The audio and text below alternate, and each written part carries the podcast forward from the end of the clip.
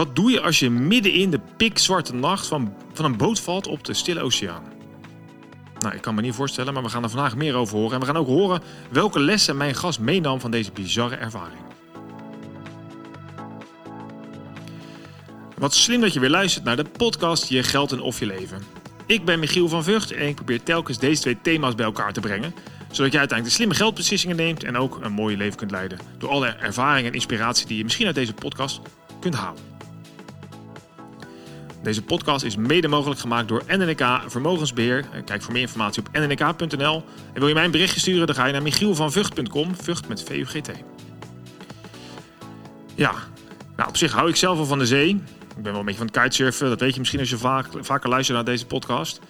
Maar de nacht vind ik de zee toch al een stukje spannender worden. En ik kan me helemaal niks voorstellen bij, de, bij het moment dat je eh, van een boot valt midden op de Stille Oceaan.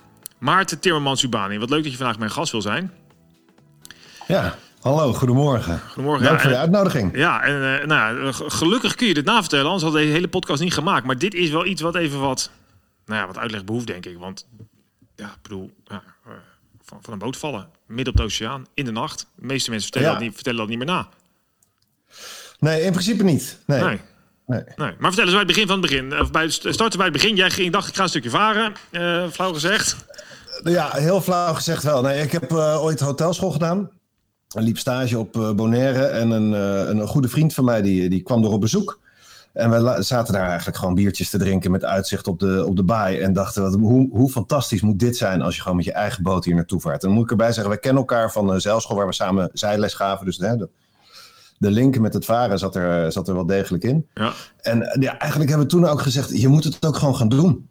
En je moet het zo snel mogelijk doen. Want eh, eh, ja, goed, we waren allebei wel in de overtuiging, je moet het eh, leven leven eh, op het moment dat het kan. Zeker, ja. En dit soort dingen, als je gaat wachten tot je met pensioen bent, ja, dan moet je maar zien of je een partner hebt die mee wil. En dan ben je wat ouder en dan wordt het allemaal een stukje spannender. En eh, dus eh, zodoende, eh, de- toen ik ben afgestudeerd eigenlijk, toen hebben we een, eh, een boot opgeknapt, volledig onder handen genomen. Eh, een aantal maanden. En zijn ermee gaan varen. ja. Nou, dat, dat begon goed eigenlijk. Ja, niks, ja, ni- niks bijzonders bijna zou je zeggen. Ja, mooi dat je je droom volgt. Maar nou, Ja. tot zo nog niet een, een, zeg maar, een verfilming eh, voel, ik nog niet aankomen. Nee, nee, nee. Ik, ik snap dat je de richting, richting hoogtepunt wil. Nee, ja, nee, precies. Maar dus, Nee, ja, dus je begint dan, ik, nou ja, de- zonder zorg. Ja, dat je bereidt je goed voor. Je hebt een mooie boot en dan ga je... En dan besluit je, wat, Ja, wat, wat, wat was jullie plan? Als ik hem te, te, te kort door de bocht vertel, dan klinkt het net Nee, alsof helemaal wij niet, niet doen. twee- twintigers waren die totaal onbezonnen... Nee, we hebben echt maanden aan het schip gewerkt. Wij kenden elk, elk klein stukje bedrading, elk veiligheidsmiddel dat we, dat we konden bedenken, hadden we ook aan boord. Of het nou reddingsvesten waren of eh, een e-perp, een GPS-apparaat, wat zodra het begint te drijven, een signaal begint uit te Ja. zenden, zodat eh, de, iedereen ter wereld weet dat er iemand in nood is daar. Eh, ja, you name it. Alles hadden we echt wel voorbereid. Eh, wat ik zei, hè, maandenlange voorbereiding. Überhaupt gewoon in Nederland al proefvaarten gemaakt. Eh, de- uiteindelijk eh, stukje bij beetje maak je, maak je die oversteek die kant op. Hè. Ons plan was om rond Zuid-Amerika te varen. Ja, Puur omdat we dan, we wilden sowieso naar Bonaire. Eh, we wilden het Panama-kanaal graag zien. We wilden naar de Galapagos-eilanden. Nou ja, noem maar op. Hè. We hebben best wel een handvol aan, aan doelen ondertussen. ja. En het moest ook nog wel een beetje in een normaal tijdsbestek zijn. Hè? Dat, ik was net afgestudeerd. Ik hoef niet echt uit te leggen dat, dat je dan niet het kapitaal hebt om eh, jarenlang eh, rondjes over de oceaan te gaan varen. En ja, uiteindelijk waanzinnig veel ervaring opgedaan die kant ook op. En wat er uiteindelijk gebeurd is. Eh, dus we waren aan het varen van, van Panama richting Ecuador. Ja, dan vaar je dus En- aan de, hè, of vanaf de kaart is dat de linkerkant, hè, de westkant van eh, Zuid-Amerika ga je dan. Ja, precies. Ja, Ehm, de, en eh, ja, het was eigenlijk al een beetje een rustig dagje, een beetje kalm, kalm windje. En de- de- toen de avond viel, begon die wind ook wel af te nemen. En het nadeel wat je op de oceaan dan hebt, is dat de restdeining blijft staan. Hè? Dus dat schip dat blijft heen en weer slingeren op de golven die er zijn. Maar er is niet voldoende wind meer om in de zeilen te duwen en het schip, ja, je noemt het dan op één oor te laten hangen. Een beetje schuin te laten hangen. ja. Eh, waardoor je stabiliteit in het schip krijgt. En nou, wij hebben op een gegeven moment besloten, we zetten de motor aan, we gaan gewoon op de automatische piloot naar, eh, naar ons doel varen. Naar de haven in, eh, in Ecuador die we voor ogen hadden. We halen de zeilen weg, want dat klappert namelijk met die golven alleen maar mee op en neer en eh, slijt daarmee veel sneller, gaat ermee kapot. Oh, ja. Dus we hebben een heel klein zeiltje laten staan om een beetje de slingering eruit te kunnen halen. Dat werkt nog net. Ehm, en uiteindelijk, uh, dus de gozer waarmee ik aan het varen was, die is naar beneden gegaan om met navigatie aan de slag te gaan. En we werkten sowieso in een wachtschema van meestal uh, zeven uur op, zeven uur af. Om te zorgen dat je voldoende tijd hebt om, om ook aan je rust toe te komen. En er moet gekookt worden en er moeten allerhande klusjes gedaan worden. En ik ben het dek gaan opruimen. nou ja, zoals dat hoort. en de afspraak die we hadden is, een van die veiligheidsmaatregelen die we hadden is, als je aan dek gaat, dan moet je altijd je lifeline aandoen. Hè? Dus je hebt je reddingsvest. Daaraan zit een lijn en die maak je weer vast aan een lijn die van voor tot achter over het schip loopt aan beide kanten, zodat je met, met vrije handen toch nog vast zit eigenlijk. En dat heb ik keurig gedaan. Ik ben naar binnen gegaan om een kopje thee te zetten. Uh, toen ik het dek had opgeruimd, loop naar buiten. Zie nog één lijntje liggen, uh, net zo naast de kuip ga op de rand van de kuip staan om dat lijntje te pakken. En op dat moment uh, is er één golfje dat een beetje eigenwijs is en net iets fanatieker dan de rest. Dus ik raakte mijn evenwicht kwijt. En het gekke is, je moet het een beetje voorstellen zoals je de trap af kan lopen en de laatste treden al gehad hebt, weet je wel. Dat je een stap maakt en, ja. en maar je... Oh, je mist ja, ja, precies. Dat, klopt niet. En, uh, maar het is een beetje zo'n dom gevoel wat je dan hebt. Nou, dat gebeurde bij mij dus ook. Ik struikelde eigenlijk gewoon een beetje en ik viel tegen de zeereling aan. Ik dacht, zo, dat scheelt. Maar tegelijkertijd hoor ik een hele harde knap. Uh, en die zeereling die geeft mee en ik duik, uh, duik het water in. En die lijn had je net niet meer vast dus? Nee, want ik was naar binnen gegaan ja, om even thee te zetten. Ja, ik was even. in principe ook helemaal niet aan dek. Het was, ik moest heel even dat lijntje pakken. En ja, gewoon echt zonder na te denken. Ja, alle veiligheidsmaatregelen ten spijt. Uh, ja, heel eventjes snel iets gepakt. Ja, hoe vaak stoot je je hoofd, hoe vaak stoot je je teen in je eigen huis waar je toch echt wel de weg weet. Ja, ja precies. Uh, ja, zo, zo dom was dit. Ja, en een bizarre samenloop van omstandigheden. Dus precies het golfje, dat ding breekt net en je had nog een lijntje dat je zag liggen. Ik bedoel, alles, de kans was veel en veel groter geweest dat je niet overboord sloeg, maar het gebeurde toch. Wat een pech. Ja, ja, uh, ja domme, domme pech ja. noem ik het ja. dan maar. Ja, en het, wat er daarna gebeurt is wel die is lastig om te, om te omschrijven, omdat uiteindelijk je valt overboord en dat schip dat vaart stiekem best hard. Als, je het, als je het ziet of als je, als je aan het varen bent, dan denk je, kan niet wat harder. Duurt best lang voordat je er bent. Maar, ehm, dus ik ben het water ingegaan. Eh, probeer het maar eens te tellen als je het zwembad induikt of zo, weet je wel. Dan, eh, dan, eh, dan ben je twee meter diep, anderhalve meter diep, voordat je weer naar boven komt drijven. Dat duurt stiekem heel lang. Dus dat schip dat kon ik al lang niet meer aanraken toen ik één keer boven kwam. Ja, ja precies. Ja. En uh, dat, is, dat is wel een paniekmomentje. Want, nou ja, goed, wat, uh, wat doe je dan verder? Dus ik ben uh, heel hard gaan roepen. tegen beter weten in, want die motor stond aan. de, ja, de jongen ja. waarmee ik aan het varen was, die was binnen. ja, en dat schip dat gaat gewoon op de autopilot rustig, rustig verder door. En het, ja, het gekke is een beetje ik, ik moet er achteraf nog steeds een beetje om lachen. Mijn vader was ooit commandant van het squadron rescue helikopters in Den Helder. Ja. Die heeft best wel wat verteld. Hij vertelde niet heel veel over de reddingen die hij deed. Want daar had hij natuurlijk zelf ook zo zijn verwerkingsproces achter. Maar hij heeft ons wel redelijk opgevoed met veiligheid op zee, eh, zoals je zult begrijpen. En dan is één van die dingen dat wat je nou niet moet doen, dat is schreeuwen. Op het moment dat je gaat schreeuwen, dan zit er minder lucht in je longen. Oh, oh ja. Dan heb, je, nou, dan heb je eigenlijk gewoon minder drijfvermogen. En je moet voor jezelf gaan zorgen. Dus dat schreeuwen, dat heeft niet zoveel zin. Dus, nou, dat kwam gelukkig vrij snel weer, weer binnen. Ja, en een beetje door die... Uh, ja, door, door gewoon de gekkigheid van het verhaal en de herinnering ook. Je moet niet schreeuwen, omdat mijn vader dat vertelde. Hij moest gewoon knetterhard lachen. Ik was uiteindelijk buiten adem gewoon van, van ja, hoe dom is dit, weet je wel? Wat voor stommiteit ben je nou weer begaan? Ja, eigenlijk tot het punt dat, uh, dat je toch een beetje tot je, tot je zinnen komt. Hè? De eerste spanning eraf is en je gaat nadenken, oh ja, wat, wat nu dan? Ja, wacht, maar even, dus onderwel is die boot, die zie je misschien op met een lampje of zo wegknipperen. Ja, wel, we hadden wel verlichting aan, omdat ik aan dek ja. aan het werk was geweest. Dus uh, er stond wat deklicht aan. Ja, dat zie je rap, rap weggaan. Want als je in het water ligt, dan zijn die golven toch iets hoger ja, dan ja, als je op het schip staat. Ja, dus je verliest gewoon het zicht op het schip. Het is pikdonker. Ja. Dus en ja, goed, ik lag daar. Ik had geen reddingsvest, ik had geen lifeline, ik had geen lampje, ik had, uh, ik had niks eigenlijk. Ja, behalve dan een beetje het vaste tenue wat we aan boord hadden, een donkerblauwe polo. En uh, ja, ik was al maanden aan het varen, dus een donkerbruine kop. En ja, dat, dat was het een beetje. En het, het, het, lastige is dat ik wist, de opvoeding van mijn vader meegenomen, dat de enige manier waarop je een drenkeling nog kan vinden, zeker s'nachts, is op het moment dat hij zichtbaar is. Dus je moet een lampje hebben, want je ziet gewoon helemaal niks in het donker. En de tweede wat erbij komt is dat de enige drenkeling die je zult vinden, uh, is eentje die blijft drijven dankzij een externe factor. Dus niet dankzij zichzelf. Uiteindelijk je lichaam houdt het niet lang genoeg vol om, om te blijven drijven. En dat was ook wel een beetje de, mijn eerste angst die, die in me opkwam. En uiteindelijk dat ik gewoon ja, of een kramp zou krijgen of, of het te koud zou krijgen of iets dergelijks. En ja, dan, dan ga je zinken hè. Ja, ja, dus dat, was ja, dat zeg je, maar ja, dat, dat, dat, dat bereid je je soort van op vooral. Op maar dat je daar ja. ligt van ja, dit, dit, dit zijn de omstandigheden. Ja, het stomme is een beetje de, de menselijke neiging die je hebt in noodsituaties om te, om te vechten of om te gaan vluchten. Ja. En je hebt nog een, een, eh, een bevriezingsreactie. Het hertje dat in de koplampen kijkt. Maar dus de, de, vrij snel. Uh, de, uh, en ik weet het ook wel van mezelf dat ik heb de neiging om te gaan vechten op het moment dat er iets, uh, iets tegenvalt. Maar ja, dus je gaat heel snel bekijken, oké, wat zijn mijn opties? Wat, wat kan ik nu gaan doen?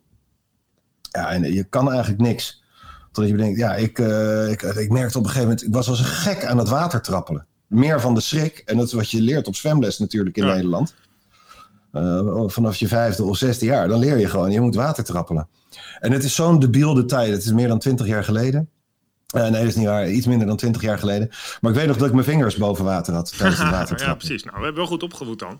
Uh, ja, we hebben netjes opgevoed. Ja. Maar dat je erover nadenkt. Wat ben je nou aan het doen? Oh ja, ik ben aan het water trappelen. Dus waarom ben je aan het water trappelen? Daar word je hartstikke moe van. Dan heb je alleen maar kans dat je kramp krijgt. Ja, ja, ja. Nou, nou, dus daarmee gestopt.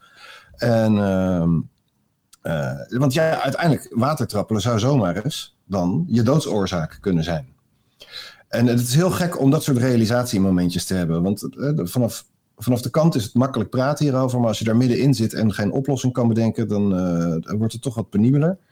Maar ja, dus ik zat daar wel letterlijk in, mijn, in mijn maag. Totdat ik bedacht, nou misschien als ik rustig blijf, kan ik lang blijven drijven. En we zagen wel eens een vissersbootje op de oceaan. Dus misschien dat, dat dat wat soelaas gaat bieden. En toen in één keer bedacht ik, oh ja, er zwemmen hier ook nog haaien natuurlijk. En meer van dat gespuis. En, dan heb ik uh, vrij lang gestudeerd en ook vrij lang Discovery Channel gekeken. Een van de oorzaken waarom ik een tentamen niet, niet altijd haalde. En ik wist wel dat, even los van de haaiensoorten die er zwemmen, kon het me niet zo heel goed herinneren. Maar die haaien die doen niet zo snel iets. Die, die zijn wel heel nieuwsgierig, die blijven om je heen zwemmen. Die blijven kijken, wat is dat? Die hebben gewoon nog nooit een mens gezien. Ja, precies. ja, en die zijn gewoon nieuwsgierig totdat ze denken, nou, laat, laat ik toch eens Proeven. kijken of het wat is. En uh, de meeste haaien eten geen mensen, maar ze proberen het wel heel eventjes. En de reden dat ze niet eten is dat wij niet naar vis smaken. Hm. Maar het nadeel is dat je dan alsnog aan je verwondingen zal ja. overlijden. Dus mijn tweede optie bood me niet heel veel uh, soelaas. Uh, want dat zou betekenen dat ik vissenvoer zou worden alsnog. En uh, toen begon ik het ook wel, wel zwaar te krijgen. Toen dacht ik, wat, hè, wat, wat moet ik nu? Uh, en het moeilijkste punt eigenlijk in tijd is dat moment geweest, omdat ik op een gegeven moment bedacht, ja, wat, wat als ik niks meer zie en wat op een gegeven moment, hè, dan, dan word je slap, dan word je flauw. En ik vroeg me af, is er een moment dat je dan actief je laatste adem gaat uitblazen? Ga je bewust naar beneden zwemmen om dan maar, laat het dan maar, weet je wel? Ja. En uh, ja, die is, die is echt heftig die is echt heftig. En terwijl ik dat aan het bedenken was, hé, maar, maar wat is dit voor rare gedachte? Kan ik dat wel? En hoe dan? Uh, zag ik beweging uh, op het schip. Ik zag nog een heel klein beetje schip. De, als ik had moeten raden wie het was, dan had ik het niet kunnen zien. Maar er viel niet zoveel te raden, want we waren met z'n tweeën. Maar er was gewoon beweging. En uh, dus de, de, aan boord uh, was natuurlijk een heel andere situa situatie. Want die, die man die komt aan dek, die ziet mij niet, maar die ziet wel een gebroken reling. Ja, ja, precies.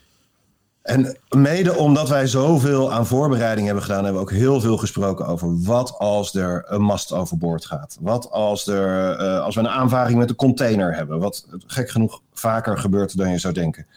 Uh, wat als je tegen een walvis aanvaart? Wat vaker gebeurt dan je zou denken.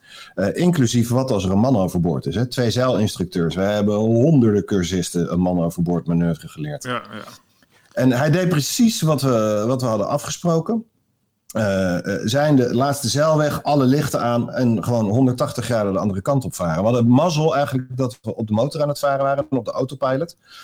Omdat je er alle apparatuur aan hebt staan en je gewoon heel makkelijk kan trekken waar je, waar je vandaan kwam. Maar nog steeds, het houdt geen rekening met uh, het wegdrijven wat ik zou doen op een stroom. Of, ja, ja. Dus, het is niet dat de apparatuur vertelt waar je naartoe moet. En uh, dan moet ik erbij zeggen dat dus de, de man met wie ik aan het varen was, die was piloot van beroep. Uh, voldoende veiligheidstraining gehad, uh, zou je zeggen. Dus hij is gelukkig heel koelbloedig gebleven. Maar hij wist hetzelfde als ik. Ik ga hem niet vinden. Ja. Als zijn reddingsvest hier ligt en als die niet vastgebonden zat en het vlot ligt er nog. En dat, hoe moet ik hem gezien? Even los van het feit dat we dus... We hadden afgesproken dat je moet alle lichten aandoen... zodat je zo goed mogelijk zichtbaar bent. Zorg dat het schip zichtbaar is. Uh, met als nadeel dat degene die aan boord is uh, niks meer kan zien. Ja. Letterlijk als een hert in de koplampen kijkt. Ja, ja die wordt uh, en geen hand, geen hand voor ogen kan zien. Dus het gekke was dat ik zag hem terugvaren. Ik zag hem de manoeuvre maken die we hadden afgesproken. Maar het ging zo vet langzaam. En dat komt aan boord, bedacht hij. Ik zie niks. Ik weet niet of die een minuut geleden, vijf minuten, tien minuten. Hoe lang geleden is hij overboord gegaan? Langer dan een half uur kon het niet zijn. Dat, hè, dat was wel duidelijk, want zo lang waren we nog niet. ik had tenslotte tegengezet. Hij had me nog gezien. En uh, dus hij is heel langzaam gaan varen en had, heeft hij achteraf verteld dat uh, zo zijn eigen paniekmomentje, omdat met alle manoeuvres die we hadden doorgesproken, alle processen, alle protocollen, uh, bespreek je natuurlijk niet hoe doe je dat telefoontje naar huis. En hij had alleen maar in zijn hoofd, ik moet zijn vriendin gaan bellen, ik moet zijn ouders gaan bellen. Ja, hoe, ja, ja. hoe moet ik dit gaan uitleggen?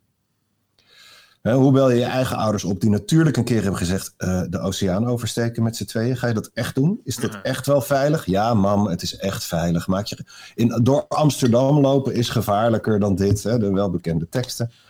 En uh, ja, dus de, hij maakte zich zorgen en uh, nou, hij is uiteindelijk heel langzaam gevaren. Hij voer recht op me af en het, uh, ja, op een gegeven moment dacht ik, nou, je, je bent er wel, hè? zou je nou niet eens gaan afremmen? Dus dan krijg je eigenlijk alweer de gedachte andersom. Maar hij zag me niet en hij hoorde me niet.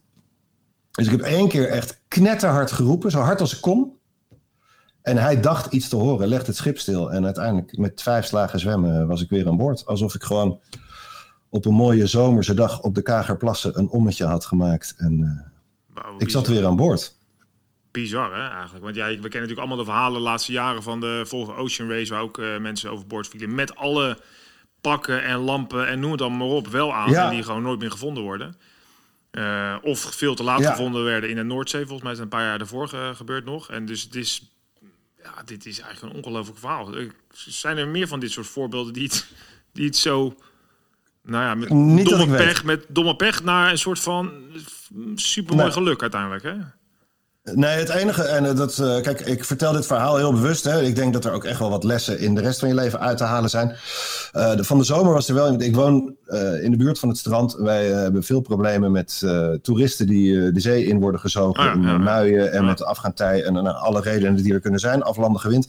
En stond toevallig is er deze zomer in Engeland een jongetje geweest die gevonden is. Die aan het zwemmen was en weggedreven was, die gevonden is. Dus laten we die nog wel eventjes vooropstellen. De belangrijkste les is Laat je drijven, dus maak een ster van je lichaam. Doe gewoon wat je toen je zes was op zwemles hebt geleerd. Maak een ster van je lichaam en blijf drijven. En ga vooral niet proberen heel hard te zwemmen of te roepen of weet ik veel wat. Uh, puur omdat het uh, in dit geval de grootste doodsoorzaak is. Ja, dan word je gewoon moe en houdt het gewoon niet vol. Hey, maar ja. je zegt het zelf, want, dit, want we zijn al, ja, dit is een heel verhaal en dat, dat verdient het ook uh, om, uh, om, dat, om daar de tijd voor te nemen. Tegelijkertijd zitten er uh, ook nog lessen in waar je eerder al over had, hadden we het in het voorgesprek over, waarvan je denkt, ja, daar profiteer je misschien nu nog van. En dan kunnen ook mensen die luisteren van profiteren. Ja. Welke, welke lessen heb jij daar nou? We hebben nog een minuut of vijf tot zeven voor, denk ik. Ja, ik um, zal mijn best doen. Nou ja, precies. En als ze niet allemaal... Ik weet wat je bezig bent, maar ook op andere manieren om dit verhaal naar buiten te krijgen. Dat mensen kunnen uh, uiteindelijk ook wel op andere manieren die lessen van je horen. Maar misschien toch nog een aantal die je nog steeds gebruikt en waar je, nou ja, waar je mensen mee... Ja, het, dus de, de, de, degene die ik het lekkerste vind is... Ik had laatst had ik een, een, een vriend van me aan de telefoon. Eigen bedrijf heeft, nu, heeft het nu echt wel moeilijk. Hè? Dit is ook de reden waarom ik dit verhaal nu eigenlijk wel vertel. Omdat ik zoveel gelijkenis zie met, uh, met de situatie waar we nu in zitten. Ja. Er zijn heel veel mensen die nu overboord zijn geslagen, ondanks alle veiligheidsmaatregelen. Ja, ja. Of je nou werknemer, werkgever, bedrijfseigenaar, ondernemer, weet ik veel wat. Maar er zijn een hoop mensen die echt wel nu in de oceaan liggen. En dus de les stop met schreeuwen en zorg dat je drijfvermogen houdt.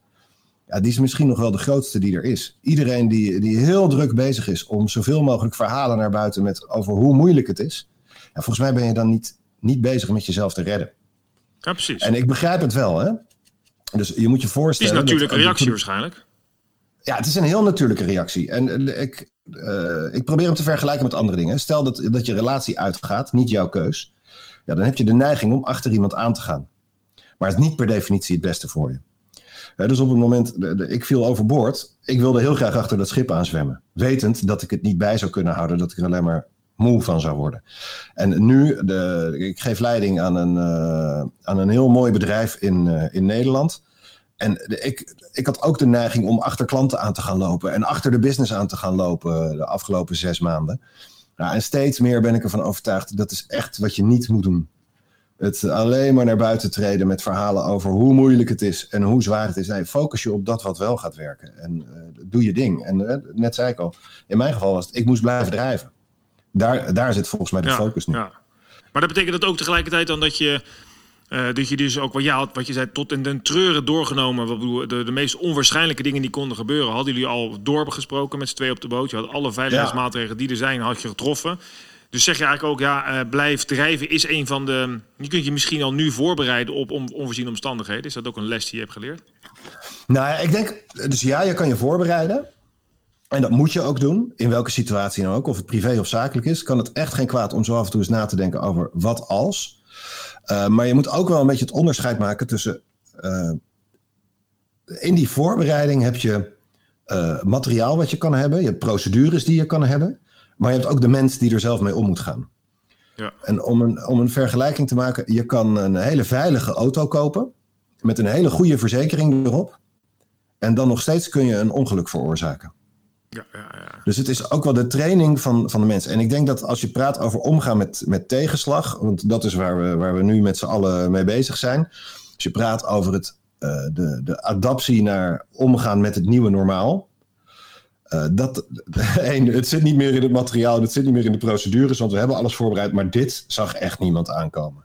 Nee, nee, En zelfs nu een tweede golf en dat soort dingen, dat zag echt niemand aankomen. Dan komt het echt neer op de mensen uh, waarmee je het moet doen. Of je het nou zelf bent, of je hele team, of je omgeving. Dat... En ik ben er echt van overtuigd dat je dat kunt trainen. Dat je aan de slag kunt met jezelf om te kijken naar wat is er dan precies? Welke neiging heb ik nu en welke neiging is nuttig? En dat komt omdat we volgens mij altijd kijken naar wat we nu hebben en we zijn bang om dat kwijt te raken. Zeker, ja, eens. En dat is heel logisch, hè? Dat, uh, als ik het vertaal naar iemand die, uh, die aandelen heeft gekocht, misschien wel de afgelopen maanden, want de grote dip is natuurlijk geweest. En wat moet je verder met je spaargeld? Ja, als die markt nu, nu een beetje daalt, dan durft niemand te verkopen, want dit is wat je hebt. En het plan was toch dat je nu geld ermee ging verdienen, want iedereen heeft dat gedaan. Hè? Je kijkt wat je nu hebt en je kijkt wat er nu om je heen gebeurt. Ja, iedereen nee, zegt dat ja. hij 60% op Shell heeft gepakt. En, ja, maar, en dan moet je gaan kijken naar wat weerhoudt je er dan van om een goede beslissing te nemen. Welke angst zit erin? En nou goed, ik denk er zijn twee vormen van angst. Eén is gewoon de existentiële angst. Hè? Wat, wat als er iets met mijn kind gebeurt? Wat als er iets met mij gebeurt? Die is, die is redelijk spot on bij de meeste mensen. Maar daarnaast zit een, een soort van irrelevante angst.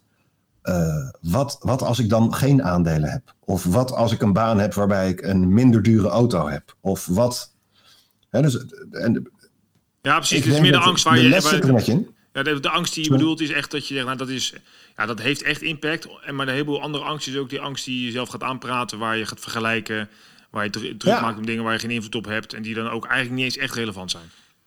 Ja, precies. En de enige manier om die angst een beetje te, identificeren is door afstand te nemen, hè, door perspectief te, te creëren. We hebben allemaal eh, eerdere relaties gehad. En achteraf denk je, nou is misschien maar beter ook dat wij eh, samen geen kinderen hebben gekregen. Of bij elkaar zijn gebleven überhaupt. Of weet ik veel wat. En eh, dus het relativeren van die angst is denk ik gewoon het belangrijkste wat erin zit. En meer van een afstandje kijken. Waar ben ik nou bang voor? Wat is nou mijn grootste probleem? En, en kan ik dat op deze manier aanpakken? En dat lukt jou dus in het water, door in het water even die lessen van je vader weer te horen. En eigenlijk, als, je het, als ik het even vertaal in mijn eigen woorden, eh, dus zoomde je toen ook een beetje uit van oké, wat moet ik nou wel doen? Eh, waar ben ik bang voor? Is dat reëel? Oh ja, die haaien, ja het kan, maar ja, eh, misschien een irreële angst, want meestal doen ze niks. Het was eigenlijk die voorbeelden die je geeft. Al Ja, ja, precies. En twee, uh, ik, kan, ja, ik kan ze een beetje wegjagen, maar niet, niet nee, al. Veel, Als ze echt willen bijten, dan doen ze het toch. Ja, dat, precies. Dus ook dat, maar ook een soort van acceptatie. Ja, ja zeker. Ja. Dus blijf drijven. Uh, en focus je daarmee dus op jezelf, wat je zegt. En maak je niet zo druk ja. om dingen waar je geen invloed op hebt. Dat is eigenlijk de, bottom line. Ja, 100 procent. Ja, 100 procent. Ja. Nou, we hebben nog eigenlijk geen tijd meer, maar ik heb ik nog een ding, want ik vind het toch nog wel aardig. Dan doen we gewoon een paar minuutjes erbij, joh. Hè? Ja, zeg het. Nou ja, wat je zegt, ja, dat is, dus je ligt daar, je komt uiteindelijk weer aan boord. Dan, wat, wat, doet dat op het moment dat je weer aan boord komt? Wat leer je daar van jezelf dan? Heb je, toen, ben je toen een heel ander mens geworden? Of heb je sinds toen weer aan land was en uh, wat, wat heeft dat je gebracht in die nou, bijna twintig jaar daarna? Nou, dus uh, heel kort daarna niet heel veel, want het ja, heel gek, maar ja, je, je draait het schip weer om en je gaat door naar, naar door, Ja, precies. En uh, dan maak ik het uh, heel makkelijk hoor. De, de, in alle eerlijkheid, uh, een flink aantal nachtmerries verder krijgt, dat wel zijn, krijgt dat wel zijn plekje. Uiteindelijk, natuurlijk is het een spannende, spannende gebeurtenis. Zeker. Dan is het iets wat een plek moet, moet krijgen. Ehm, ik heb een tijd ook wel een beetje het idee gehad dat, ja, dat ik een soort van bonustijd had gekregen. Hè? Dus de mensen die er iets van wisten, de mensen die ik het wel vertelde, nou, dat is echt een handvol. Die zeiden allemaal, ja, jij leeft in reservetijd of je leeft in blessuretijd. Ja, of ja, iets precies, dergelijks. ja. De wedstrijd is voor jou verlengd. Dat, dat idee. En dat heeft ervoor gezorgd dat ik, uh, nou, één, mezelf onoverwinnelijk vond. Zelf, zelf uitgekozen superheld. Uh, wat me voor heel veel mensen misschien niet uh, de meest aimabele persoon heeft gemaakt. Want uiteindelijk ben je gewoon, het, het is niet zo. Ik, ik heb geen superkracht. Ik ben gewoon die ene dag niet. Ja, oké, okay, niet. Ja. Ja. En uh, ja, de, uiteindelijk waar het me nu wel mee helpt, ja, ik kan dingen redelijk goed relativeren. Dat is uiteindelijk de grote kracht die eruit Ja, is gekomen. Er heeft er heel veel ambitie in die reservetijd gezeten, omdat ik dacht, ja, weet je, ik moet het ook wel waard zijn. Dus Ja. elke dag moest ik het waard zijn om die dag, om de volgende dag weer te krijgen. Elke dag moest ik gelukkig zijn van mezelf. Nou, kun je één ding verklappen, daar hoef je geen 45 voor te worden, maar dat gaat niet. Nee. En eh, eh, het is ook veel leuker als een dag zo af en toe wat minder succesvol is. Dan, eh, dan zie je, hè, dat, is, het- dat is het perspectief wat je moet Contrast heb je soms nodig, dat is absoluut waar. Ja. Maar ik denk ook wel de superheld die je in jezelf zag. Ik bedoel, de gedachte aan zich dat, dat je reservetijd leeft, dat doen we in principe natuurlijk allemaal. Alleen we realiseren Ja. ons dat helemaal niet, want ik kan straks onder een bus lopen. Nou, ja, die rijdt dan waarschijnlijk nu weinig, maar in principe dat kan elke dag gebeuren. Dus het leven Ja, is geen, repetaat, eh, geen repetitie. En wat jij natuurlijk al deed door te gaan zeilen voor je pensioen, dat is eigenlijk al iets wat goed is. Maar dat heb je helemaal gerealiseerd door, door die ervaring die je hebt gehad, denk ik. Ja, zeker. Ja. En kijk, ik, ik ben er wel van overtuigd, en dat doe ik nog steeds. Als iets me echt niet bevalt, ja, neem dan ook de keuze om er afscheid, actief afscheid van te nemen. Ja, dus, eh, de, ik heb een carrière eh, move gemaakt een paar jaar geleden. Nou, dat moest het helemaal gaan worden voor mij. Na anderhalf jaar kwam ik erachter, ja, dit is het gewoon niet. Dit, is, dit zijn niet de mensen met wie ik moet werken. Tot op het vervelende af. Ja, dan moet je ook niet die carrière na blijven jagen. Dat, dat komt echt op een andere manier wel weer. lijkt me een perfecte afsluiten, Maarten. Nou, dan bij deze. Ontzettend bedankt voor je, voor je tijd en dat je je verhaal wilde delen. Eh, ik, ik ben vereerd dat je daar zo de tijd voor wilde nemen. En ehm, nou ja, bedankt voor je inspiratie daarin. Graag gedaan. Dank voor eh, de uitnodiging nogmaals. Ga, ook graag gedaan, zeker graag gedaan. Ehm, en jullie bedankt voor het luisteren. Mocht je hier daar meer over willen weten, eh, heb je vragen, nou, stuur me een berichtje. Eh, heb je ideeën, eh, laat het ook weten. En je kunt me natuurlijk helpen met deze podcast door 10 miljoen mensen te laten vinden. Door hem te liken, waarderen, te delen. En zo kunnen we meer mensen samen helpen om een, de juiste keuze te maken tussen het geld en het leven. Nogmaals bedankt voor het luisteren en tot volgende week.